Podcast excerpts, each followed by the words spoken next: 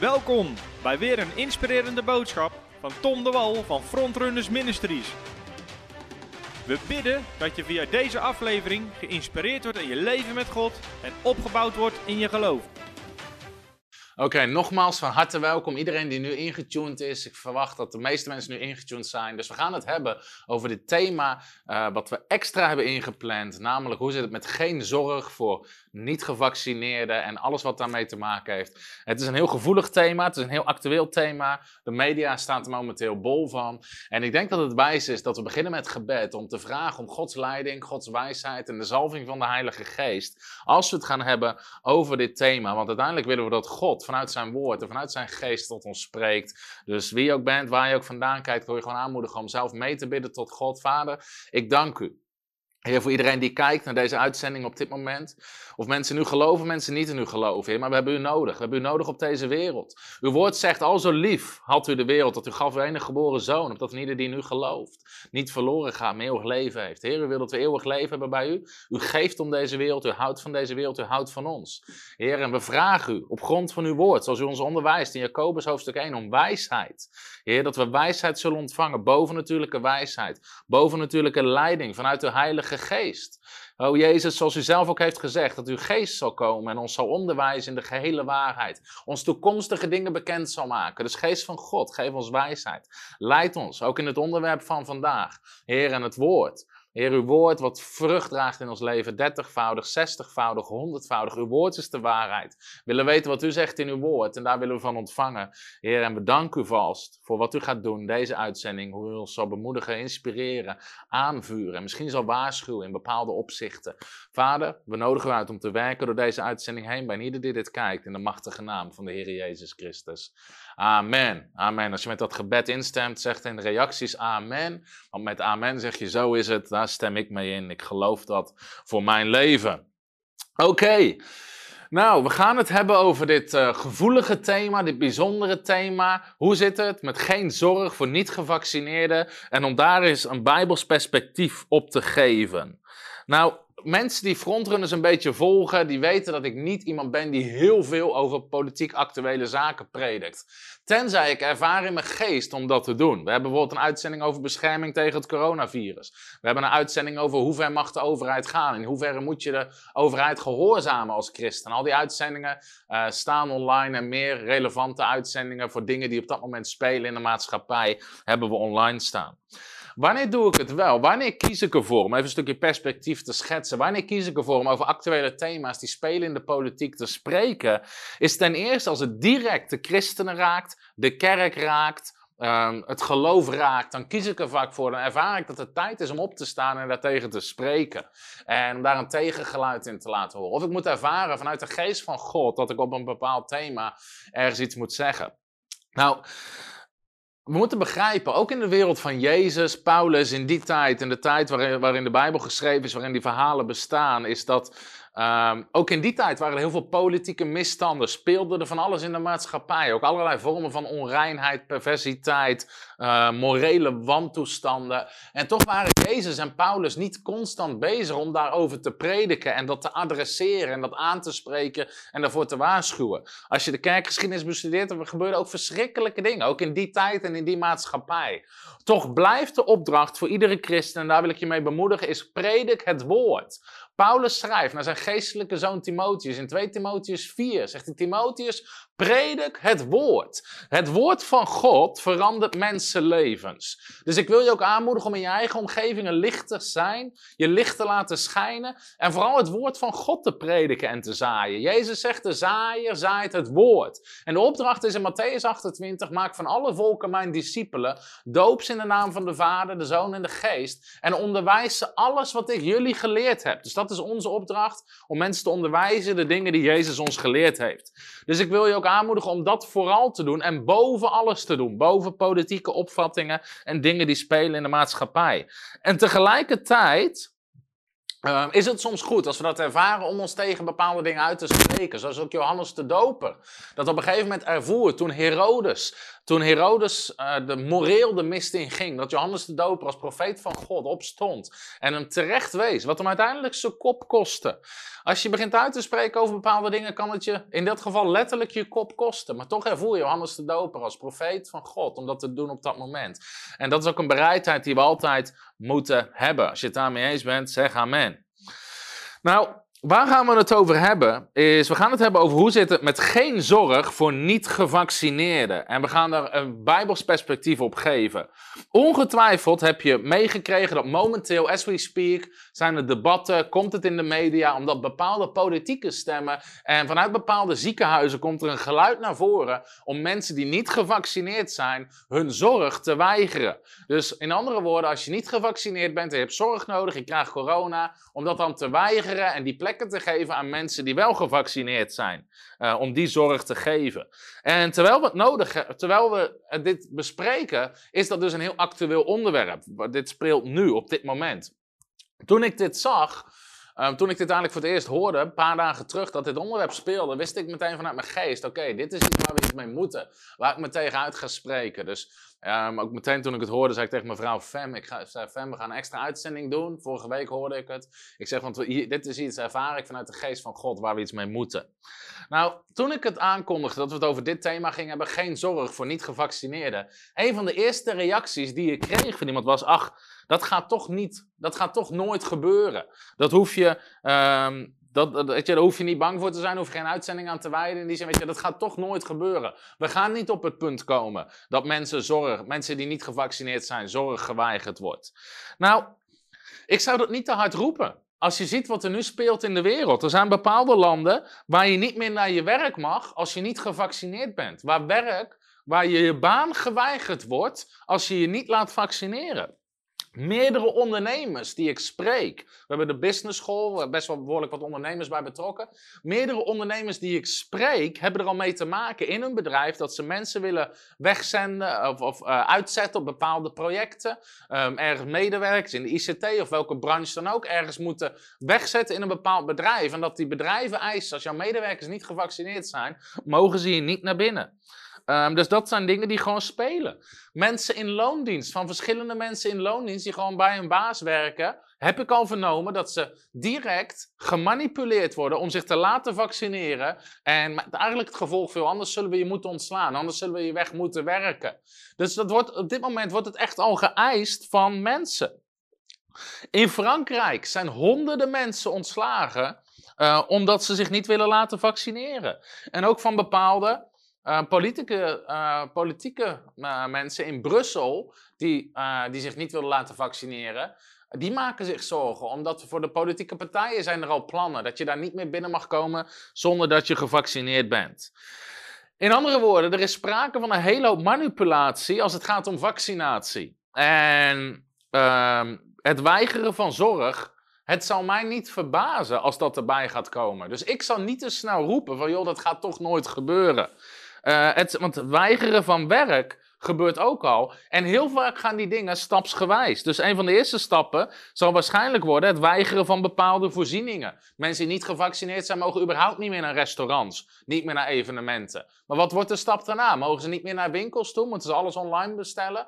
Hoe ver gaan ze erin? Dus het zal mij niet verbazen als het ergens uit gaat komen dat mensen zorg geweigerd wordt. Nou, als het gaat van, joh, wat kunnen we hier nou over zeggen vanuit een Bijbels perspectief? En er zijn eigenlijk twee dingen die, uh, die ik op mijn hart heb om daarover te zeggen.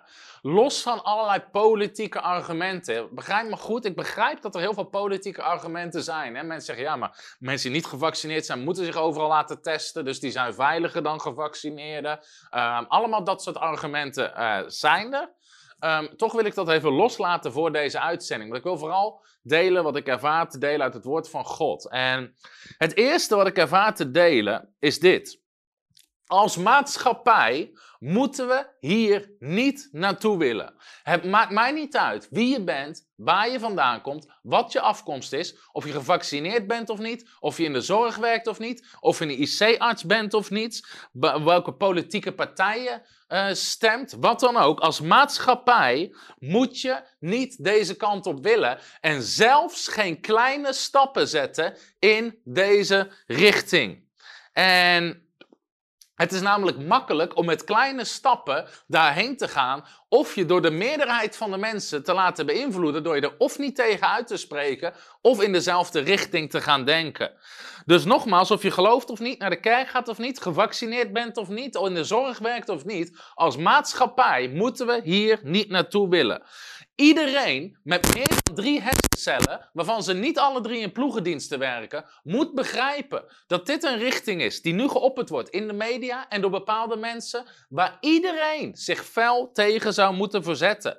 Want als we, als we dit gaan doen, gaat onze maatschappij een kant op waarvan je niet wil dat die heen gaat. En ik vind dat wat dat betreft is er weinig tegengeluid. En het tegengeluid wat er is, is vaak kortstondig. En ik wil dus ook iedereen aanmoedigen om een standpunt hierin tegen te nemen. Niet alleen, uh, natuurlijk iedereen die kijkt, maar ik wil ook vooral een oproep doen aan alle predikers, alle voorgangers. Ehm, om hier een publiek standpunt in uh, te nemen.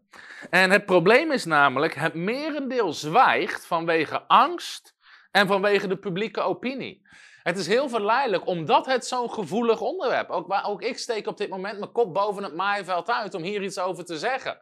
Omdat je weet, wat je ook zegt, je kan het niet goed zeggen. De ene partij is tegen, of de andere partij is tegen, of wat dan ook. En mensen staan op het punt om je af te schieten. De media zit op het puntje van, van zijn stoel om er iets van te vinden, te zeggen, mensen zwart te maken. Maar dat is juist de agenda van de duisternis die erachter zit om te werken met manipulatie en angst en te zwijgen. En Um, omdat nou eenmaal een grote groep van onze samenleving gevaccineerd is, meer dan 80%, is het heel verleidelijk om voor die mensen aan zichzelf te denken. En dat merk ik heel snel. Ach, ik ben gevaccineerd, dus zeggen mensen, ik ben gevaccineerd, dus het raakt mij niet. Dus ik hoef me hier niet over uit te spreken. Of ik vind het inderdaad wel prima.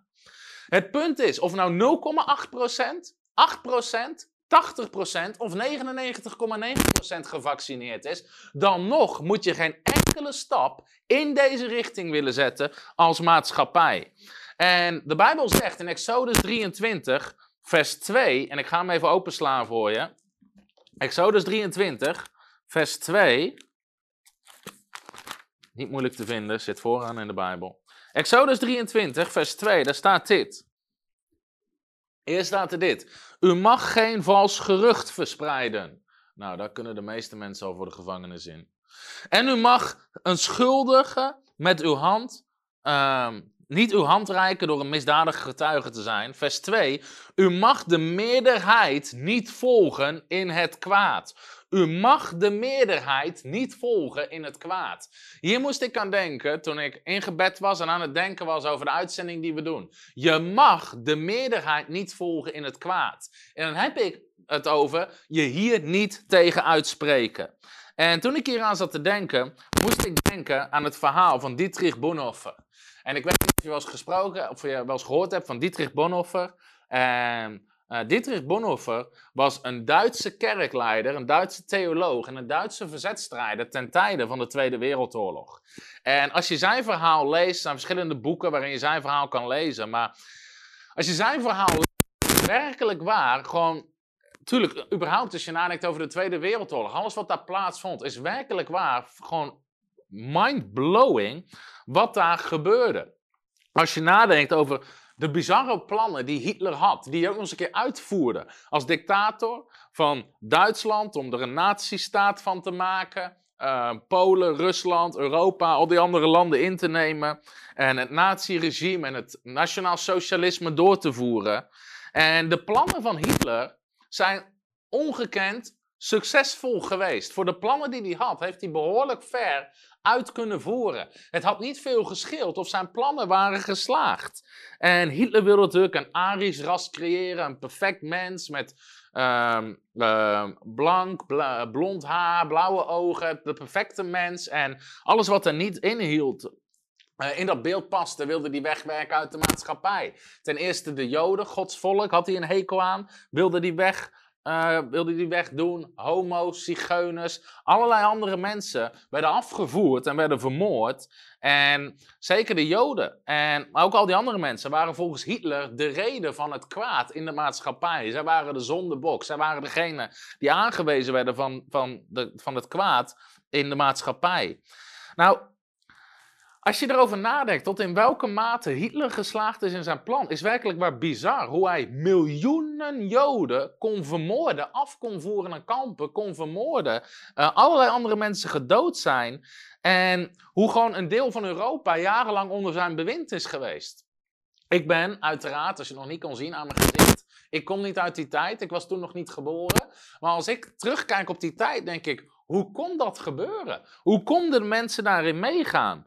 Maar hoe dat kwam, is omdat de meerderheid van de mensen in Duitsland meeging met het kwaad. Daarom zegt Exodus 23, vers 2: U mag de meerderheid niet volgen in het kwaad. Het meerderheid van de mensen was niet eens zo dat ze actief meededen, maar ze durfden zich niet uit te spreken. Ze durfden er niks van te zeggen, want ze waren bang. Het was een systeem van angst en manipulatie. En mensen die geen Jood waren en die het niet raakten, dachten: ach, het betreft mij toch niet. Dus ze zeiden er niks van. En iemand die in, in die tijd, die zich daar tegen begon te verzetten en daartegen begon te prediken, was Dietrich Bonhoeffer. Een jonge theoloog, een jonge predikant, die zich daartegen begon te verzetten. En in die tijd, um, en ik ga, ik ga naar een bepaald punt toe zo meteen. In de maatschappij in Duitsland, waren ook allerlei crisissen, allerlei moeilijkheden. Ze kwamen uit de Eerste Wereldoorlog die ze verloren hadden. Politiek, sociaal, heel rumoerig.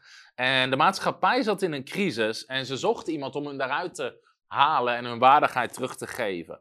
En dat proces is eigenlijk bizar. Want wat Hitler deed, Hitler schafte niet de grondwetten en burgers en rechten van burgers tegelijkertijd af. Dat zou leiden tot, tot bizarre protesten. Dus wat deed hij? Hij schorste ze voor een bepaalde tijd. Hij zei: nee, we schaffen ze niet af. We schorsen ze even voor een bepaalde tijd, zodat we snelle stappen kunnen zetten om door deze crisis heen te komen. Nou, Hitler slaagde erin om, om de Joden weg te zetten als een reden van het kwaad in de maatschappij. Uh, dus ze werden ontslagen van hun werk. Uh, ten eerste van overheidswerk, maar daarnaast, daarna werden hun eigen winkels afgenomen, mochten ze geen artsen meer zijn, mochten ze geen advocaat. Dit ging niet van de een op de andere dag. Dit ging geleidelijk aan. Dit was al in 1933 dat dit speelde. Joodse studenten mochten niet meer naar school, mochten geen onderwijs meer volgen. En ze werden, uiteindelijk werden ze buiten de maatschappij weggezet als zondebok. En uh, uiteindelijk mochten ze ook in 1933 niet meer meedoen aan sociale en culturele activiteiten. Geen media en journalistiek bedrijven. En langzaam maar zeker werden de Joden werden uit de maatschappij gezet. Nou, hoe kreeg Hitler het voor elkaar, nogmaals, om dat, om dat te realiseren? Zonder dat dat voor een enorme opstand zorgt. Als je erover nadenkt, is het bizar. Omdat de meerderheid bang is om zich uit te spreken en dacht, het betreft mij niet. Nou, als je dit kan lezen. Uh, Microfoontje. Is hij nu weer goed? Nee. Zit hij er niet goed in? Ja, gaf een rood lampje. Is hij nu goed? Laat me even weten dat hij goed is. Ja, je veel Moet ik rustiger zitten? Heer, laat mijn bloeddruk zakken. In Jezus' naam. Oké. Als je erover nadenkt, um, hoe kon dat gebeuren? Hoe kon Hitler, Gods volk, de Joden, zo wegzetten, letterlijk wegvoeren, afvoeren uit de maatschappij? En dan zou je kunnen denken, um, hoe kon dit alles gebeuren in Duitsland? Waar waren de voorgangers? Waar waren de kerken? Waar waren de predikers? Waar waren, waar, waren die toen Gods volk uitgeroeid werd, de maatschappij ontworteld werd, kwaad zegevierde? Waar was de kerk? Waar waren de voorgangers? Het antwoord is, ze waren stil. Ze zeiden niks. Ze waren bang. En vanwege angst lieten ze het gebeuren. En uiteindelijk volg je dan nog steeds de meerderheid in het kwaad. Bonhoeffer zei dit. Hij zei: Silence in the face of evil is itself evil.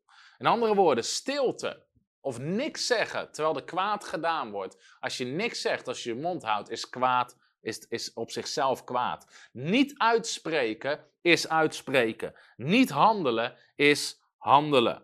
En als je erover nadenkt, hoe bizar het is hoe Hitler zijn plannen kon doorvoeren. Ook in de kerk. Hitler kreeg de kerk mee in zijn plannen. Dat is natuurlijk bizar, want Jezus is een Jood. Dus Hitler is er letterlijk in geslaagd om het evangelie te veranderen. Om te zeggen dat Jezus geen Jood was, hij was een Arisch mens, het Oude Testament werd geschrapt. Al die dingen moest hij doorvoeren in de kerk, omdat hij anders de kerk en de christenen uiteraard niet achter zich kreeg. En de samenkomst werd veranderd, de geloofsbelijdenis werd veranderd, al die dingen werden veranderd. En wat deden de meeste christenen, de meeste voorgangers en de meeste uh, kerken? Die gingen daarin mee. Die gingen daarin mee. En Dietrich Bonhoeffer die stuurde een brief naar 18.000 voorgangers. En hij zei: Dit kan en mag je niet accepteren. Je moet dit, je moet hier tegen verzetten, je moet je uitspreken. Van de 18.000 voorgangers in Duitsland ging 80% ging mee met de plannen van Hitler. Waarom? Ze waren bang. Ze durfden zich niet uit te spreken vanwege de mening, vanwege de ellende die ze over zich zouden halen. Dus ze zeiden niks. En uiteindelijk is dat lafhartigheid, is het gewoon angst. En de Bijbel spreekt over een geest van angst. Oké, dit is een uitspraak, ook in die context, wat me raakte erover. Dat is van Martin Niemöller. En wat Hitler deed, eerst de socialisten, andere politieke beweging, zette die af. Uh, de Joden, de vakbonden en de arbeiders zijn allemaal op een gegeven moment de rechten af van de arbeiders, omdat ze allemaal moesten werken voor zijn fabrieken, leger in moesten, et cetera. En Martin Niemöller die zei dit. Eerst kwamen ze voor de socialisten en ik zei niets, want ik was geen socialist. Toen kwamen ze voor de Joden en ik zei niets, want ik was geen Jood. Toen kwamen ze voor de vakbonden en de arbeiders en ik zei niets, want ik was geen onderdeel van de vakbond. Toen kwamen ze voor mij en er was niemand nog over om iets over mij te zeggen. Deze man besefte, hij, dacht, weet je, toen, toen Hitler de Joden aanpakte, dacht hij, ik ben geen Jood, dat raakt mij niet. Toen hij de arbeiders aanpakte, hij werkte niet als arbeider, raakt mij niet. Toen hij de socialisten aanpakte, dacht hij van, joh, weet je, dat zijn de socialisten, raakt mij niet. En toen kwamen ze voor hem. En toen was er niemand meer om er iets over te zeggen. Nou, Waarom deel ik dit? Omdat ik geloof dat hier interessante lessen in zitten voor de tijd waarin we leven. En laat me heel duidelijk zijn. Ik vergelijk op geen enkele manier inhoudelijk de coronacrisis met wat er speelde in de Tweede Wereldoorlog. Ik begrijp, dat was een dictator die een dictatuur wilde vestigen om Joden af te slachten, mensen te vermoorden met een raar beeld van een Arisch ras, etc. Nu hebben we het over een besmettelijke ziekte. Maar de politiek die gevoerd wordt en het beeld wat op sommige momenten gevoerd wordt, is hetzelfde. En het systeem waarop sommige dingen doorgevoerd worden, is hetzelfde. En daar zitten lessen in die we kunnen leren. En de vraag, wat ik serieus op mijn hart heb, wat ik ook ervoer om te delen, deze uitzendingen, om aan je te vragen, is wanneer ga jij je uitspreken tegen onrecht, uitsluiting, discriminatie en racisme? Alleen als het jou raakt? Of ook als het anderen raakt? Wanneer ga jij je uitspreken tegen onrecht, uitsluiting, discriminatie en racisme? Alleen als het jou raakt? Of ook als het anderen raakt. Misschien uh, heel veel mensen denken, ach, ik zit bij die 80%. Het raakt mij toch niet. Maar de Bijbel zegt, je zal de meerderheid niet volgen in het kwaad. En daarom zeg ik, we moeten deze kant niet op willen als maatschappij. Of dat nou 0,8, 8, 80, 100% gevaccineerd is. Je moet geen stap deze kant op willen. En waar we alert op moeten zijn, is dat het politieke proces om dingen gedaan te krijgen, is hetzelfde. In tijden van crisis regeert angst en de duivel werkt met angst. Die werkt met angst en manipulatie. En wanneer er gewerkt wordt met angst en manipulatie, is het het werk van de duivel en niet van God. En dat is iets.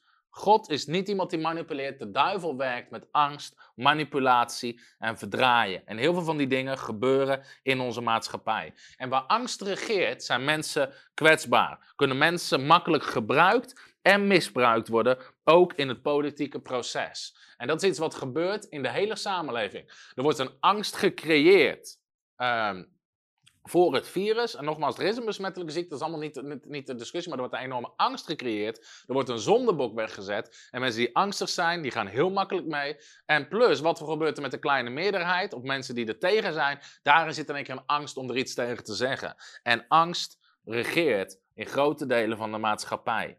Wat werd er nog meer gedaan in die tijd? Regels niet schrappen, maar tijdelijk schorsen. Nee, het is tijdelijk. Zelfs tijdelijk moet je daar nooit naartoe willen. een kleine groep wegzetten als boosdoeners, een gemeenschappelijke vijand. En als we niet oppassen, creëren we, en het is al gebeurd, in onze maatschappij een gemeenschappelijke vijand, namelijk de ongevaccineerden. En dan krijgen we een, een maatschappij van manipulatie en uitsluiting. Net zoals de Joden destijds niet meer mee mochten doen. Hetzelfde ging trouwens met de christenvervolging in Rome en al die dingen. Ook in de tijd van handeling, als ze de keizer niet gehoorzaamden, mochten ze niks kopen, et cetera. Maar we hebben het over angst, tweedracht en verdeeldheid. Verdeel en heerst. Door angst verliezen mensen alle rationaliteit. En dat wordt grotendeels gestuurd op angst en daardoor volgt de meerderheid in het kwaad. Daarom zeg ik, of je zelf gelooft of niet, of je gevaccineerd bent of niet, op welke politieke partij je ook stemt, of je in de zorg werkt of niet, als maatschappij moeten we hier niet naartoe willen. En wanneer ga jij je uitspreken tegen onrecht, uitsluiting en discriminatie? Als maatschappij moet je hier niet naartoe willen. Iedereen met meer dan drie hersencellen die niet in ploegendiensten werken, moeten zeggen: nee, deze kant gaan we niet op. En mensen in deze tijd zeggen domme dingen. Ik, iemand, toen we deze post aankondigden, zette eronder. Gezondheidszorg is een voorrecht, geen recht. Het is een gunst. Als je daar gebruik van wil maken, moet je voldoen aan de voorwaarden. Nee, Nee, terug naar de basisschool. Gezondheidszorg in Nederland is een mensenrecht. En weet je wanneer het vastgelegd is? Na de Tweede Wereldoorlog, nadat Hitler in staat was om miljoenen Joden te vermoorden tijdens de Holocaust, heeft de Verenigde Naties in 1948 als reactie daarop vastgelegd in de Universele Verklaring van de Rechten van de Mens dat gezondheidszorg een internationaal recht is. En um, in 2002 is hier nog, is hier nog aan toegevoegd. Uh, dus in 2002 is dit resoluut door de Mensenrechtencommissie van de Verenigde Naties verder uitgewerkt. En er staat in: iedereen heeft recht op de hoogst haalbare gezondheid op basis van een gezondheidszorg die beschikbaar, toegankelijk, aanvaardbaar en van goede kwaliteit is. Elk recht en ook het recht op gezondheid impliceert een overheidsverplichting: respecteren, beschermen en verwezenlijken. Dat is een recht wat vastgelegd is na de Tweede Wereldoorlog om dat soort dingen nooit meer te laten gebeuren. We kunnen ieder jaar vroom de oorlog herdenken, en, maar ondertussen meewerken, ook door ons niet uit te spreken aan een systeem wat, wat ongedaan aan het maken is, wat toen na die oorlog gerealiseerd is. En nogmaals, Weet je, mensen zeggen, ja maar Tom, daar gaan we nooit uitkomen. Daar gaan, weet je, dat gaat nooit gebeuren dat zorg geweigerd wordt voor niet-gevaccineerden. Nou, we zijn een eind op richting. Nu moeten mensen testen. De eerstvolgende stap is waarschijnlijk dat ze geweigerd worden in het algemeen bij restaurants, horeca, etc. Wat is de stap daarna? Mag je ook niet meer winkelen? Moet je alles thuis bestellen? Mag je niet meer naar je werk? Mag je geen baan meer? Krijg je geen inkomen? Nou, dat gebeurt nooit. Het gebeurt al. Het gebeurt al indirect momenteel, zowel bij bedrijven en bij mensen die in loondienst werken, worden indirect al gemanipuleerd om ontslagen te worden als, zich niet te laten, als ze zich niet laten vaccineren. En in andere landen, as we speak, Italië, Frankrijk, worden honderden, duizenden mensen ontslagen, hebben geen baan meer, hebben geen inkomen meer, omdat ze zich niet laten vaccineren. Wat is de stap daarna? Mag je niet meer in het land wonen? Nogmaals, sommige mensen zullen er meer overdrijft. Dat, mijn punt is, bij welke stap ga jij je uitspreken? Wanneer ga jij iets zeggen? Ga je, weet je, mensen hadden al lang iets moeten zeggen. Dit is al onacceptabel dat er een tweedeling wordt gecreëerd in de maatschappij. Wanneer ga je iets zeggen? Als mensen zich moeten testen? Als mensen niet meer naar evenementen mogen? Als mensen niet meer naar horeca mogen? Als mensen niet meer naar de winkel mogen? Als mensen eerst thuis moeten werken? Als mensen daar helemaal niet meer mogen werken? Bij welke stap ga je iets zeggen? Dat is juist het punt. Het gaat stap voor stap, zodat mensen niks zeggen. Daarom zegt de Bijbel in Spreuken 14, vers 12: Er is soms een weg die iemand recht schijnt, maar het einde ervan zijn wegen van de dood. Als je op het begin van de weg kijkt, kan je altijd denken: oh, maar dit is niet zo erg. Maar de Bijbel zegt: het einde daarvan kan een weg van de dood zijn. Dus de vraag is: bij welke stap ga je iets doen? Kijk waar een weg naartoe leidt, niet waar die begint. Ga ik nog een keer zeggen: kijk waar een weg naartoe leidt, niet waar die begint.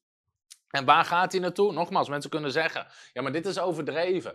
Als ik jou twee jaar geleden had gezegd, dus nog voordat de coronacrisis speelde, over anderhalf jaar mag jij je familie niet meer ontmoeten. Over anderhalf jaar moet jouw winkel dicht, moet jouw restaurant dicht, moet jouw toko dicht. Over anderhalf jaar is een avondklok, mag je s'avonds niet buiten zijn. Over anderhalf jaar loop jij verplicht met een mondkapje rond. Over anderhalf jaar zijn de meeste kerken dicht. Uh, durven mensen niet meer te zingen in de kerk? Over anderhalf jaar moet jij je laten vaccineren, anders mag je restaurants niet binnen. Over anderhalf jaar moet je je vaccineren, anders mag je niet naar je werk. Als je dat twee jaar terug had gezegd, had iedereen je voor gek verlaat. Inclusief ikzelf, als iemand dat tegen mij had gezegd. Dacht ik, doe niet zo gek. Het punt is, het, kijk naar het einde van de weg. Waar een weg naartoe lijkt, niet waar die begint. En als we iets geleerd hebben van de coronacrisis, is dat we niet meer hoe kunnen zeggen: oh, maar zo snel zal het niet lopen of zo zal het niet gaan. Want tot nu toe gebeurt dat iedere keer wel. Dus het gaat stap voor stap. Gezondheidszorg in Nederland is een grondrecht. Bovendien, artikel 1 van de grondwet sluit discriminatie uit. Iedereen die zich in Nederland bevindt, wordt in gelijke gevallen behandeld. Ongeacht je godsdienst, levensovertuiging, politieke gezindheid, ras, geslacht, op welke grond dan ook, is niet toegestaan. Dus momenteel zie je dat er in onze maatschappij gezocht wordt naar een zondebok die we zwart kunnen maken. En Tuurlijk, al die andere argumenten kan je ook aanhalen. Als het gaat om geen zorg voor gevaccineerden. Wat is de volgende stap? Gaan we geen zorg verlenen aan mensen die roken als ze longkanker krijgen? Misschien moeten we dat eerst doen. Of gaan we geen zorg verlenen aan mensen met overgewicht. Als ze last hebben van hun gewrichten. Als ze andere ziektes krijgen. Hoe zit het met losse seks? Alle geslachtsproblemen, allerlei ziektes, aids, etc. Die, die ook op dat soort manieren overgedragen worden. Hoe zit het met mensen die drugs gebruiken? Hoe zit het met mensen die drinken? Hoe zit het met mensen die te veel staand, zittend, op hun knieën werken? Hoe zit het met mensen die kinderen krijgen terwijl ze een genetische aandoening in de familie hebben? Waar leg je de grens? Waar leg je de grens? Nou, een punt is, nu wordt natuurlijk alleen maar gewezen naar de ongevaccineerden. En het slaat nergens op. En hier moeten we als maatschappij niet naartoe gaan. En nogmaals, achter de coronacrisis zit een gigantische angst- en manipulatiepolitiek. En bovendien zijn er een hele hoop leugens, waardoor het moeilijk is om te filteren wat is waar of wat is niet waar. Ja, de minister verzekert nu. Nee, nee, nee, dat is een kant die we nooit opgaan. Ja, zo ken ik er nog een. Hij heeft honderd keer gezegd, nee, dit gaan we nooit doen. Om het vervolgens een maand later met een stalen gezicht alsnog in te voeren. Er zou geen coronapaspoort komen. Nee, nee, nee, daar moeten we niet naartoe. Daar kunnen we, dat kunnen we niet doen. Er zouden geen mondkapjes komen. Er zou geen verschil komen tussen ongevaccineerden en gevaccineerden. Er zou geen manipulatie zijn. Er zou geen directe drang of dwang zijn. Al die dingen gebeuren nou toch. Nou, ik heb een korte video en een lange video over gewoon dingen die beloofd zijn, die allemaal niet nagekomen zijn, hoe het is. Maar ik ga, we gaan even de korte laten zien, gewoon even voor de grap, maar even om aan te tonen dat het feit dat je zegt, ja, maar de minister zegt dat het heus niet gaat gebeuren, dat dat je geen enkele garantie geeft. Ja, bijvoorbeeld als, als werkgevers zeggen, of eigenaars van concertzalen, van je komt er niet in zonder app, dan is het stiekem toch verplicht. Nee, nee, dat gaan we namelijk niet doen. Uh, sterker nog, ik denk dat we dat gewoon wettelijk ook onmogelijk moeten maken, dat het op die manier gebruikt kan gaan. Iets anders is allerlei gedachten over een soort van vaccinatiepaspoort en zo, waarmee je, vind ik, heel erg moet oppassen. Omdat je voor je het weet een soort impliciete drang hè, aan het organiseren bent, waarvan ik denk dat je er heel terughoudend mee moet zijn. Mijn vraag is maar, dat komt maar de basisregel moet zijn, geen dwang, geen drang, geen plichting, geen verplichting, maar ook niet indirect. En dat betekent dat je mensen ook niet benadeelt als ze het niet doen of bevoordeelt als ze het wel nemen. Bent u dat met me eens? Ja, dat ben ik met u eens. Dat ben ik met u eens. Dat is niet het hoofddoel, maar het is natuurlijk wel een neveneffect. Die stimulans voor mensen inderdaad om zich te laten vaccineren. Oké, nou deze even dit is natuurlijk een hele korte en het is natuurlijk een grappig videootje wat grappig gemonteerd is. Maar laten we heel goed een kern zien. We zouden ook veel langere video's kunnen laten zien van allerlei politieke debatten. Wat ik niet wil doen tegen deze uitzending. Maar het feit dat mensen zeggen, ja maar de minister zegt dat we die kant niet opgaan. Sorry, mijn geloofwaardigheid ben je al lang kwijt. Het feit dat hij zegt dat we iets niet gaan doen of wel gaan doen, zegt helemaal niks. Want uiteindelijk doen ze wat ze willen. Dus mijn geloofwaardigheid ben je al lang kwijt. En dus stop met dat soort domme argumenten. Ach, ze zeggen dat dat toch nooit gaat gebeuren. Heb je de afgelopen anderhalf jaar onder een steen geleefd of wat heb je gedaan? Dus volgt de meerderheid niet in het kwaad. Dat is het eerste gedeelte wat ik op mijn hart had. En wanneer ga jij je uitspreken tegen dit soort dingen? Nogmaals, of je gevaccineerd bent of niet, of je naar de kerk gaat of niet, en op welke politieke partij je ook stemt. Dus dat is het eerste deel. Ten tweede wil ik alle christenen, iedereen die zit te kijken, aan de ene kant bemoedigen, aan de andere kant waarschuwen, aan de andere kant aanvuren met een specifiek iets. Namelijk dit. Te veel christenen vertrouwen te veel op de overheid als het gaat om voorzieningen in hun leven. En de Bijbel waarschuwt heel vaak voor het niet je vertrouwen stellen op andere mensen en ook niet op overheden. De Bijbel zegt in Psalm 146, vers 3: Vertrouw niet op edelen, op het mensenkind bij wie geen hel is. De Engelse vertaling zegt: Don't trust the powerful people. Vertrouw niet de mensen met macht. En ik heb het niet over, oh, we moeten wantrouwend worden en alles wantrouwen wat ze zeggen. Nee, ik heb het over, zet je vertrouwen daar niet op. Zie ze niet als je bron. Dus, ehm, ook al ben je niet gevaccineerd en welke maatregelen ze ook gaan doen. Ik zeg niet dat je niet moet laten vaccineren. Al die dingen ga ik in deze uitzending allemaal geen uitspraak over doen. Maar zie ze niet als je bron en ook niet als je bron van genezing. Waarom? Waarom zegt het is beter tot de Heere de toevlucht te nemen dan op mensen te vertrouwen. Psalm 118 vers 8. Het is beter tot de Heere de toevlucht te nemen dan op edelen te vertrouwen. Nou nogmaals, ik zeg ook helemaal niet dat mensen geen gebruik moeten maken van gezondheidszorg of zich niet moeten laten. Al die dingen zeg ik niet. Maar zet je vertrouwen op God. En te veel christenen vertrouwen te veel op de overheid met hun gezondheid. Ze zijn totaal afhankelijk van het hele gezondheidssysteem. Ze hangen aan elkaar van allerlei vormen van medicatie en andere hulp, van zorgverzekeringen, van allerlei pakketten die ze nodig hebben om door het leven te komen. Zo ben je niet bedoeld als christen, want de Bijbel zegt door zijn streamen ben je genezen. De Bijbel belooft lang leven, uh, frisheid, groenheid, al die dingen meer. En veel christenen zijn totaal afhankelijk van allerlei vormen van medicatie, et cetera. En daarom hebben we ook een healing school. Ik heb het boek geschreven, Jezus aanraken, over hoe jij genezing kan ontvangen. En waar de wereld ook van zegt dat je afhankelijk bent, ik geloof dat de kracht van God groter is om je daaruit te bevrijden. Met hun financiën. Veel christenen zijn afhankelijk van allerlei subsidies, uitkeringen en andere potjes van de overheid. Om dingen aan elkaar te knopen. Voor hun veiligheid. Ze geloven dat de overheid ze zal beschermen. Met, en nogmaals, prijs God voor politie, alle mensen uh, die zich inzetten voor onze veiligheid, al die dingen meer. Maar als het puntje bij het paaltje komt, ik ben op meerdere situaties terechtgekomen in Nederland. Ik heb het niet over Afrika. In Afrika ben ik ook in situaties terechtgekomen waarvan je dacht van oké, geen idee wat, als, als hier nu iets misgaat, dan gaat het echt goed mis, want ik heb geen idee hoe we eruit gaan komen. Ik ben in Nederland in situaties terechtgekomen waar de politie gewoon niet kwam opdagen en niks wilde doen. Dus vertrouw in die zin niet uh, op hun als het gaat om je veiligheid. Je gezinssituatie, dat de overheid door middel van allerlei subsidies, toeslagen en opvang- en schoolsystemen je huishouden regelt, je kinderen opvoedt, etc. Dit ervoer ik om te delen. Als je meegaat in het systeem van deze wereld, heb je dezelfde problemen als deze wereld. Als je meegaat in het systeem van deze wereld, heb je dezelfde problemen als deze wereld. Misschien kunnen een aantal mensen dat in de reacties zetten.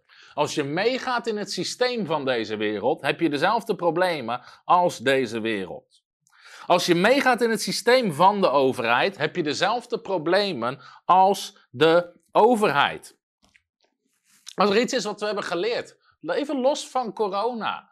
Misschien hadden mensen, mensen met andere ziektes, andere klachten, die hun vertrouwen en hoop totaal hadden gezet op de gezondheidszorg. Maar in één keer door de coronacrisis werden allerlei andere behandelingen, operaties en ziektes uitgesteld en uitgeschoven en uitgesteld en uitgeschoven. En nu, op dit moment, krijgen de ongevaccineerden daar straks nog de schuld van. Die mensen worden al anderhalf jaar niet geholpen, of nauwelijks geholpen, of niet genoeg geholpen. Dus mensen die daar hun, hoop op hadden. Um, kwamen sowieso teleurgesteld uit. Als je kanker had, of je gevaccineerd was of niet, de overheid kon je niet helpen. En wat is typisch? Zoals de overheid de maatschappij dichtgooide, waren er veel kerken die dichtgingen. De kerk van Jezus Christus kan niet dicht. Weet je, wanneer mensen met. Dit is, daarom zei ik, als je meegaat in het systeem van de overheid, heb je dezelfde problemen als de overheid. Mensen met kanker en andere aandoeningen konden niet geholpen worden in het ziekenhuis. In de kerk konden mensen die bevrijding nodig hadden niet geholpen worden. Zondaren konden hun leven niet aan Jezus geven. Er werden doopdiensten. En ik heb een boekje geschreven, De kracht van de waterdoop, wat direct in relatie staat met de wedergeboorte, eeuwig leven, je leven overgeven aan Christus. Werden uitgesteld, werden afgelast, al die dingen meer. De kerken die dat deden, hebben nou precies dezelfde problemen als de wereld. Namelijk dat ze mensen kwijt zijn, financiën teruglopen, al die dingen mee. Als je meegaat in het systeem van deze overheid, heb je dezelfde problemen als de overheid. Mensen die genezing nodig hadden, die uitbehandeld waren. Hoeveel mensen we afgelopen jaar niet genezen hebben zien worden van ongeneeslijke ziektes. Waarvan de, gewoon de medische zorg ze niet kon helpen. Of bevrijding ontvingen. Of wat dan ook. En weet je, mensen zeiden letterlijk tegen mij, ja, maar weet je, jij gaat gewoon door met je genezingsdienst en je bevrijdingsdienst. Ik vind dat onverantwoord, want ik werk in de zorg. Ik werk ook in de zorg, in de geestelijke zorg. En we helpen mensen om, om te genezen, om bevrijd te worden, om hun leven aan Christus te geven, om gedoopt te worden. En dat is de belangrijkste zorg die er is. Al het andere is tijdelijk, is hier van deze wereld. Maar uiteindelijk gaat het om de dingen van God en zijn koninkrijk. En we hebben zelfs dingen, nogmaals, die, die de overheid niet op kan lossen. Dus Waarom, gaat, waarom gaan mensen daar zo makkelijk in mee? Omdat ze te veel vertrouwen op overheid, wetenschap en ratio. Vertrouw niet te veel op het systeem van deze wereld. Een tijdje terug kreeg ik een bericht van een, iemand in bediening die, die een soort jongerenwerk had. En die, en die stuurde me een bericht. Zou je me financieel willen ondersteunen? Ehm, ik heb een bediening met jongeren, maar de overheid trekt zijn subsidie terug. En ehm, nu moet ik per volgend jaar stoppen en ben ik mijn bediening kwijt. Sorry dat ik direct ben, maar het is je eigen schuld dat je je bediening kwijt bent. Ten eerste, als je echt geroepen bent en een bediening hebt van God, kan niemand die van je afpakken. De overheid niet, uh, wat dan ook. En je had nooit een systeem moeten bouwen op basis van subsidies. En je afhankelijkheid stellen op de overheid. En je bron maken, de overheid. En dat is gewoon een systeem waar je niet op moet willen bouwen. Weet je, ik wil geen subsidie, ik hoef geen subsidie. Hoeveel mensen niet naar mij toegekomen zijn? Dan zeg je, ja maar Tom, weet je, als je nou dit of dat doet, of je gaat ook dit erbij doen, of je regelt het op die manier, kan je ook een subsidie aanvragen voor je bediening. Ik wil geen subsidie. God is mijn bron. Ik doe wat God zegt, wanneer God het zegt en hoe God het zegt. En niet wat de overheid wil en hoe de overheid het wil. En dat is zo belangrijk om te zien. God is je bron. En we moeten weer leren om God te geloven als onze bron. God te vertrouwen. God te zien als onze bron. Ik heb geen thuisfrontcomité. Mijn medewerkers hebben geen thuisfrontcomité. Soms vragen andere bedieningen. Uh, hoe kunnen jullie zoveel mensen in dienst hebben? Hebben die allemaal een thuisfrontcomité? Een wat? Dat ze bij hun buren en hun vrienden gaan bedelen om hun salaris te onderhouden. Je maakt je afhankelijk van je buren en je vrienden. Als zij je erin kunnen helpen, kunnen ze je er ook eruit trekken als ze het er niet meer mee eens zijn. Zie God als je bron. Als je vertrouwt op mensen, ga je zien hoe ver mensen je kunnen brengen. Maar als je vertrouwt op God, zal God je brengen op een plek waar alleen God je kan brengen, waar mensen je niet eens kunnen brengen. Vertrouw God. Jezus zegt, Johannes 4, Vers 46. Wie oogst, ontvangt loon en verzamelt vrucht tot eeuwige leven. We zijn het oogsten in het koninkrijk van God en we ontvangen ons loon van God. God die mensen op een hart legt om partner te worden, te geven, al die dingen meer. Maar we bouwen niet op het systeem van deze wereld. Het systeem wat we hanteren is een dwaas systeem. We zijn bezig ook met een nieuw pand en toevallig zat ik vanmiddag nog weer in gesprekken. En mensen snappen nooit, waar haal je je geld vandaan? Hoe kom je aan je geld? God voorziet, God stuurt partners, God stuurt giften, God...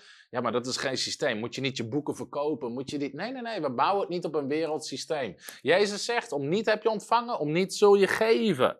En weet je, mensen vroegen met de coronacrisis, heb je coronasteun aangevraagd? Nee, ik geloof God. En dit is het ding, nogmaals, als je meegaat in het systeem van deze overheid, heb je dezelfde problemen als deze overheid.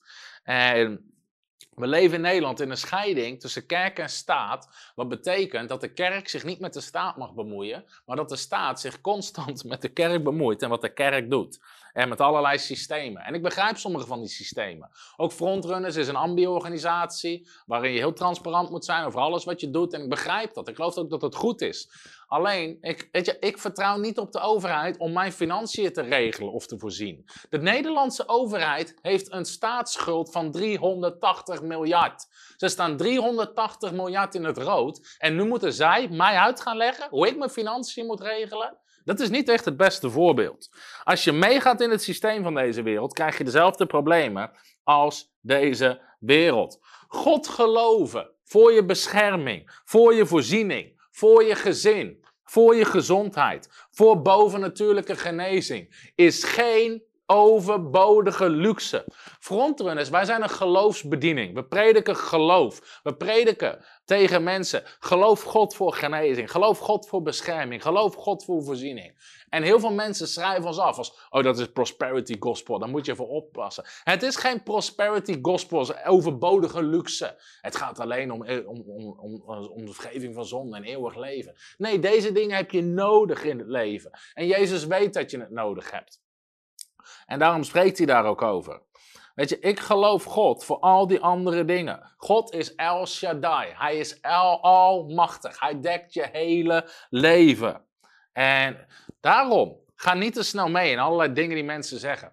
Pas op voor frontrunners, zij geloven prosperity gospel. Ja, ik geloof in de voorspoed van God. En ik heb de voorspoed van God keihard nodig. Ik geloof God voor voorspoed en we hebben het nodig. Hoe denk je anders dat je op dit moment kan kijken naar een hele studio met acht camera's en iemand die betaald wordt om ze te bedienen, om het woord van God bij je te brengen? Hoe denk je dat we honderdduizend boeken per jaar kunnen drukken en gratis weg kunnen geven? Hoe denk je dat we, meer, dat we duizend studenten kunnen trainen in onze bijbelscholen die gewoon vrij toegankelijk zijn? Hoe denk je dat al onze congressen, bijeenkomsten, conferenties, samenkomsten gratis zijn? Hoe kunnen we dat doen? Omdat we God geloven voor voorspoed en voorziening. Hoe denk je dat ik door ben gegaan met genezingsdiensten, bevrijdingsdiensten, handen leggen op mensen tijdens de hele coronacrisis? Omdat ik God geloof voor bovennatuurlijke bescherming als ik zijn werk uitvoer. Jij mag het gek vinden, je mag het niks vinden, maar dat is hoe ik leef met God. En ik wil je aanmoedigen, stel je vertrouwen niet op het systeem van deze wereld.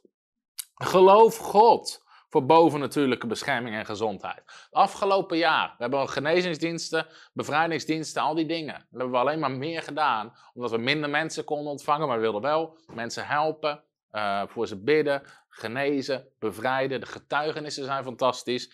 En nogmaals, we hebben handen gelegd op gigantisch veel mensen toen het officieel verboden was. En al die tijd gewoon beschermd doorheen gekomen. Boven natuurlijke bescherming. Zoals Jezus boven natuurlijk beschermd was toen hij handen legde op een melaatse.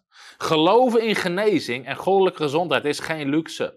Geloven in Gods voorziening en de zegen is geen luxe. Want blijkbaar kan de overheid op de een op de andere dag jouw winkel dichtgooien of je bedrijf dichtgooien. Wat je nodig hebt is bovennatuurlijke wijsheid, bovennatuurlijke voorziening. En ik ken verhalen van christenen waarbij Waarbij ze in één keer dicht moesten. Ze gingen bidden om wijsheid. God gaf ze een heel ander business idee. En het liep nog vier keer beter als daarvoor.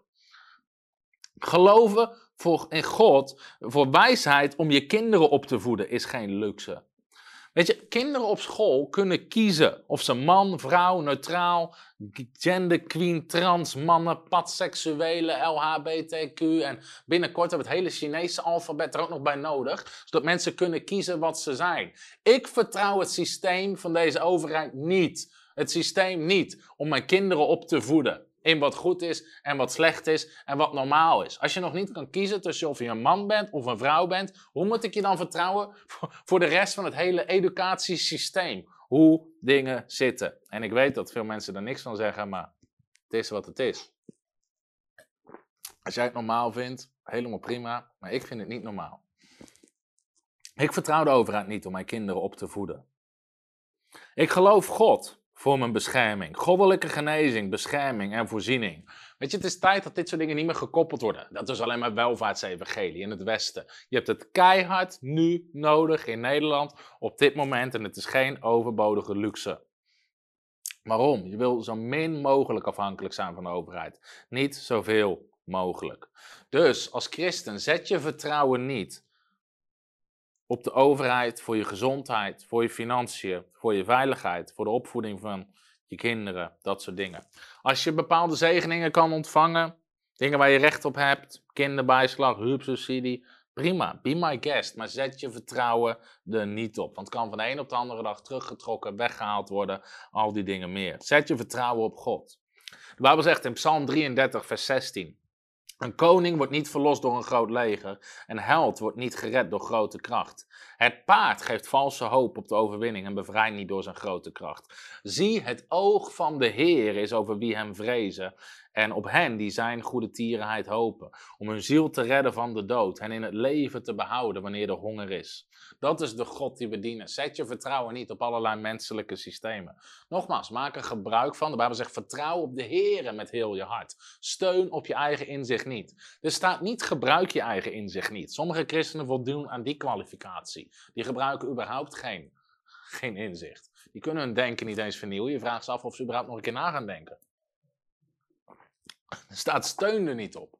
Steun er niet op. Gebruik je verstand, maar steun er niet op. Steun niet op ratio, overheid en dat soort dingen. Halleluja. Het oog van de Heer is over wie hem vrezen. Als jij ontzag hebt voor God, het oog van God is op je.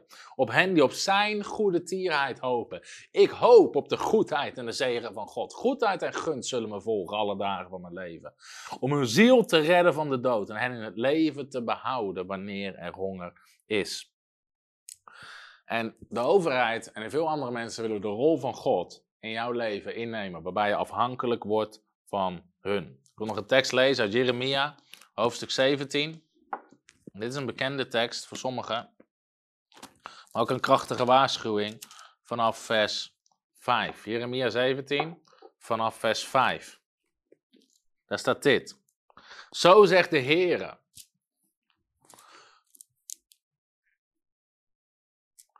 Vervloekt is de man die vertrouwt op een mens. Vervloekt, je bent niet onder de zegen. Vervloekt is de man die vertrouwt op een mens.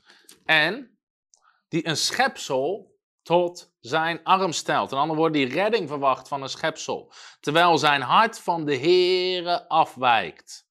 Hij zal zijn als een kale struik in de vlakte, die het niet ziet wanneer het goede komt. Hij verblijft op de droge plek in de woestijn, in zilt en onbewoond land. Gezegend is de man die op de Heere vertrouwt, wiens vertrouwen in de Heer is. Hij zal zijn als een boom geplant bij water, die zijn wortels laat uitlopen bij een waterloop. Hij merkt het niet als er hitte komt. Zijn blad blijft groen. Een jaar van droogte deert hem niet. Zie je, God wil je zo zegenen dat een jaar van droogte je niet eens deert en hij houdt niet op vruchten dragen.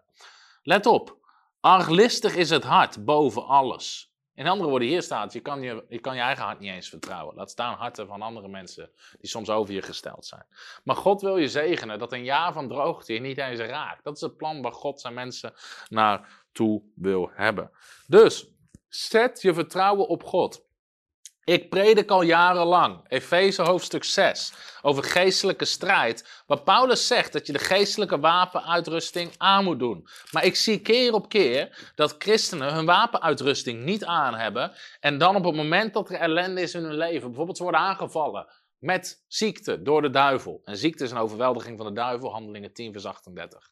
Ze worden aangevallen met ziekte, dat ze niet weten hoe geloof werkt, hoe ze moeten spreken tegen de berg. Daarom komt een nieuwe boek uit in november, De kracht van woorden, spreken tegen de berg. Ze weten niet wat de Bijbel zegt over goddelijke genezing, hoe ze dat moeten ontvangen, hoe ze in hun autoriteit moeten staan. Al die dingen meer weten ze niet. En ze komen in een strijd terecht, maar ze hebben een wapenuitrusting niet aan. En te midden van die strijd moeten ze proberen een wapenuitrusting aan te doen, uit te vinden wat zegt God hierover, hoe werkt dit eigenlijk. En ik zie heel vaak dat christenen te laat zijn. Daarom predik ik altijd: zorg dat je van tevoren voorbereid bent. Er zijn christenen geweest in de coronacrisis. Je hebt gewoon meegedaan in het wereldse systeem. Je hebt gewoon je vertrouwen gehad op het hele wereldse systeem. Niet op God voor zegen, voorziening en voorspoed. En op het moment dat de overheid ingrijpt, je winkel dicht doet of wat dan ook, zijn ze in paniek. En denk je, ja, maar hoe werkt het eigenlijk? Hoe werkt de zegen van God eigenlijk? Daarom hebben we ook een Kingdom Business School, zodat mensen in het in de hemelse economie kunnen stappen. En dan denken ze, maar wat zegt de Bijbel er ergens over? Hoe kan ik voorziening ontvangen? Hoe werken die principes? En ze zijn te laat, want ondertussen uh, worden ze aangevallen met allerlei strijd. Het duurt soms, het kost tijd om bepaalde dingen te leren. Daarom zegt Paulus in Efeze hoofdstuk 6, vers 10, verder mijn broeders, wees sterk in de Heer en in de sterkte van zijn macht. Bekleed u met de hele wapenuitrusting van God, opdat u stand kunt houden tegen de listige verleidingen van de duivel. We hebben niet de strijd tegen vlees en bloed, maar tegen overheden, machten, etc. Neem daarom de hele wapenuitrusting van God aan, dat u weerstand kunt bieden op de dag van het kwaad. Weet je, er komt een dag van het kwaad waarin de duivel je probeert te verleiden. En Paulus zegt, dan moet je de hele wapenuitrusting al aan hebben, zodat zodra het komt je weerstand kunt bieden. Als het er is en je wordt aangevallen en jij moet je wapenuitrusting nog aantrekken, je weet niet hoe geloof werkt, hoe autoriteit werkt, hoe de zegen van God stroomt, al die dingen meer, dan ben je soms te laat. En daarom predik ik dit. Mensen die me jarenlang kennen, zullen zeggen, ik predik dit al jarenlang. Ik predik jarenlang. Soms spreek ik genezing en gezondheid. En dan zijn christenen zeggen, ja, nou die boodschap heb ik niet nodig, want ik ben gezond. Ja, slimbo. Daarom predik ik het nu. Dat wanneer de duivel je aanvalt, dat je dan weet hoe het werkt en niet dan nog na hoeft te gaan denken en al die dingen moet ontdekken en moet leren. Daarom trainen we mensen in onze part-time bijbelscholen. Daarom hebben we een Kingdom Business School. Daarom verspreiden we gratis boeken om mensen te onderwijzen. En veel christenen zijn lui geworden. Ook toen de kerken dichtgingen, ach, ik kijk wel livestream. Livestream is niet genoeg om als de duivel komt, om je te ziften als tarwe, om hem weg te houden. Dan moet je weerstand kunnen bieden. Vast in het geloof, vast in je autoriteit. Moet je krachtig zijn. Paulus zegt, wees sterk in de Heer en in de kracht van zijn macht. Wat God nodig heeft in deze tijd zijn krachtige christenen, die staan in autoriteit. En als jij er daar één van bent, typ je in de reacties, ik ben er daar één van, in de machtige naam van Jezus Christus. Dus ga je geloof zetten, ga je vertrouwen zetten op God. En het thema daarom is eigenlijk veel groter. Niet alleen geen zorg voor niet-gevaccineerden. Hoe zit het straks met geen werk, al die andere stappen. En waar begint het? Het zou mij niet verbazen als de eerstvolgende stap is geen evenementen voor niet-gevaccineerden. Geen horeca voor niet-gevaccineerden. Waar ga je daarna heen? Geen werk, geen zorg. De vraag is niet, eigenlijk, waar begint het? Kijk, waar stopt het? Ligt eraan wanneer gaan mensen er tegen uitspreken. En daarom hier en nu zou een grens moeten zijn. Dus even weer samenvattend. Volg de meerderheid niet in het kwaad. Spreek je er tegen uit. Of je nou zelf gevaccineerd bent of niet. Dit is een kant, dit is een richting die je als maatschappij niet op moet willen. Spreek je er tegen uit. Volg de meerderheid niet in het kwaad. Het gaat rechtstreeks in tegen alle rechten van de mens. En sowieso op allerlei manieren waarop nu gediscrimineerd wordt, gaat er rechtstreeks in tegen heel veel dingen. En het probleem is dat de meeste mensen spreken zich er niet tegen uit. En sterker nog, ze spreken erin mee, want ze denken het raakt mij niet. Maar de Bijbel zegt, volg de meerderheid niet in het kwaad. En het feit dat heel veel mensen zeggen dat iets prima is, of dat het wel goed is, maakt iets niet goed. Dus spreek je er tegen uit. Creëer geen samenleving met angst, een zondebok, manipulatie en een schuldcultuur. En verder, alle christenen, stel je vertrouwen op God. Velen van ons hebben het kinderliedje gezongen. Ik stel mijn vertrouwen op de Heer, mijn God. En ik geloof dat het tijd is om daarom met frontrunners prediken we geloof, goddelijke genezing, goddelijke bescherming, goddelijke voorspoed, al die dingen. Ik geloof daarin. Dat is de God die ik dien. Hij is Jehovah Rapha, de Heere mijn genezer. Hij is El Shaddai, hij is almachtig. Hij is Jehovah Jireh, de Heere die voorziet. Hij is de Heere die mij beschermt. Hij is de Heere machtig in strijd. Hij is al die dingen. Hij is alles wat je nodig hebt. Hij is alles wat je nodig hebt. Daarom zegt Hebreeën 11 vers 6. Zonder geloof is het onmogelijk om God te behagen. Zie je hebt geloof nodig om die dingen te ontvangen. Want wie tot God komt, moet geloven dat Hij is. Dat hij wie is? Dat hij is wie hij zegt dat hij is. Dat hij Jehovah Jireh, Jehovah Rapha, El Shaddai, dat hij dat allemaal is. En dat hij beloont wie hem zoeken. Als jij naar God toe gaat om hem te zoeken voor die dingen, zal hij het geven, want dat is wie hij is. Zet je vertrouwen niet op de overheid voor je bescherming, opvoeding voor je kinderen, financiën, al die dingen. Nogmaals, als je van bepaalde dingen gebruik kan maken, prima. Maar zet je vertrouwen er niet op. Wees er niet van afhankelijk. Want als we iets leren, is dat we onze vertrouwen moeten zetten op God. Ons geloof in God. Want Hij alleen is degene, is de bron, is waar we het leven van ontvangen. Amen. Oké, ik hoop dat dit je gezegend heeft. We hebben ongeveer uh, duizend mensen die kijken. Ik wil je nog één keer even attenderen op de nieuwe boeken die eraan komen. Dit soort dingen. Daarom hebben we nogmaals onze Bijbelscholen om je te helpen. Dus er zijn nog een paar plekken op onze part-time Bijbelschool die in januari gaat starten. Als deze uitzending je raakt en je zegt, hey, ik ben bemoedigd, opgebouwd. Dit is wat je iedere week nodig hebt. Radicale prediking, radicaal onderwijs. Op onze part-time Bijbelschool werken we veel meer van dit soort dingen uit. Als jij zegt, hé, hey, ik ga tijd apart zetten om het te laten discipelen, te laten trainen. Meld je aan. Het is gewoon gratis. Hier in Werkendam, iedere maandagavond, met uitzondering van de schoolvakanties. Meld je aan voor de part-time Bijbelschool. En ook de boeken die eraan komen. Dus deze twee boeken komen eraan vanaf november, eind november, volgens mij 21 november de release datum. Gewoon weer gratis te bestellen. We hebben er tienduizenden, we hebben momenteel 60 of 70.000 boeken in bestelling staan. Die we gewoon weer gratis gaan weggeven. Als ik ben opgebouwd, door deze uitzending aangevuurd en ik wil, ik wil gewoon dit, dit werk zegen en bijdragen. We zijn ook bezig met een nieuw pand waarin we gewoon een boekendistributiecentrum hebben, waar we voltijd bijbelschool gaan starten, dat we een nieuwe generatie predikers, evangelisten, herders, profeten en apostelen kunnen trainen en kunnen uitzenden, waar we grotere bijeenkomsten, conferenties kunnen doen dan we hier doen, meer genezingsdiensten, waar we meer medewerkers, we zitten nu helemaal vol hier. We zijn bezig met een nieuw pand en we staan in geloof voor duizend extra partners daarvoor, honderd daarvoor, zijn al binnengekomen. Als jij een van die 900 bent, misschien die nu zit te kijken, ongeveer 1000 mensen zegt: hey, ik vind dit gaaf. Ik geloof dat dit geluid in Nederland nodig is. Een radicaal geluid, geloofsonderwijs, geloofstoerusting, gratis boeken, mensen die getraind worden, uitgezonden worden. Ik geloof dat we Nederland kunnen veranderen. Ik geloof dat het koninkrijk van God nog zal doorbreken in ons land. En dat er uitstortingen komen van de Heilige Geest, mensen gered gaan worden, nieuwe kerken gesticht gaan worden, nieuwe bedieningen uitgezonden gaan worden. Als je daaraan mee wilt bouwen, wil ik je vragen, word partner van Frontrunners. Uh, gebruik de QR-code die in beeld komt of ga naar www.frontrunnersministries.nl slash partners. Je krijgt al onze boeken die we nieuw uitbrengen, krijg je gratis. Uh, je krijgt een hele mooie hardcover. Ook gewoon om je te zegenen. Samen bouwen we het Koninkrijk van God. Als jij nog geen partner bent, maar je gelooft in de bediening, wat we doen, de boodschap die we uitdragen, wil ik je van harte uitnodigen. Word partner van Frontrunners. En ik beloof je dat het jou ook zal zegenen. Ik heb er ook dit boekje over geschreven, Leven door Geven. gaat over de kracht van financieel partnerschap.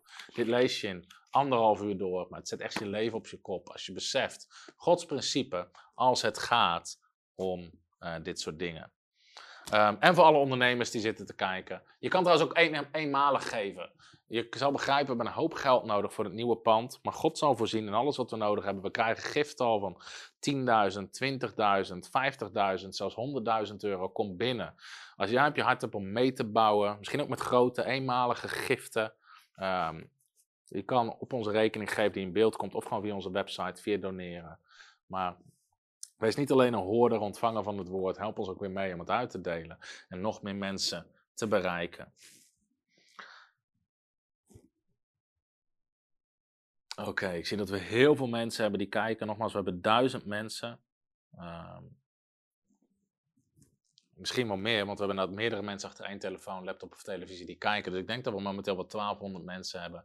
Gaaf om te zien. Toen we net begonnen met live-uitzending hadden we drie, vier kijkers, waarvan mijn moeder, mijn vrouw, en twee mensen van ons kantoor, ze waarschijnlijk allemaal waren. Maar in ieder geval, dus nu zitten er gewoon veel meer dan duizend, misschien zitten er wel 2000 mensen te kijken. Ik hoop dat deze boodschap je bemoedigd heeft. Je zal begrijpen, er komen zoveel reacties binnen dat we daar niet allemaal op in kunnen gaan. Ik zei al, de discussie is veel groter, er valt veel meer over te zeggen. Maar dit waren de twee hoofddingen die ik op mijn hart had om hierover te delen. Hartelijk bedankt. Verspreid de boodschap. Als je nog niet geabonneerd bent op ons kanaal, abonneer je op ons kanaal. God zegen. Sta sterk in geloof. Vertrouw op God en volg de meerderheid niet in het kwaad. Hallo, Tom de Wol hier en bedankt dat je weer geluisterd hebt naar onze podcast. Ik bid dat het je geloof gebouwd heeft en je bemoedigd bent. Als je niet alleen een luisteraar van onze boodschap wil zijn, maar ook een verspreider daarvan, wil ik je uitnodigen om partner te worden van Frontrunners. Door jouw maandelijkse donatie help je ons om dit evangelie van Jezus Christus en het woord van God over heel de aarde te brengen. Om partner te worden ga naar www.frontrunnersministries.nl slash partners en word partner. Hartelijk bedankt en tot snel. Heb je ook zo genoten van deze inspirerende boodschap van Tom de Wal? Abonneer je dan op deze podcast. Volg ons op Facebook en op Instagram en kijk op onze website frontrunnersministries.nl.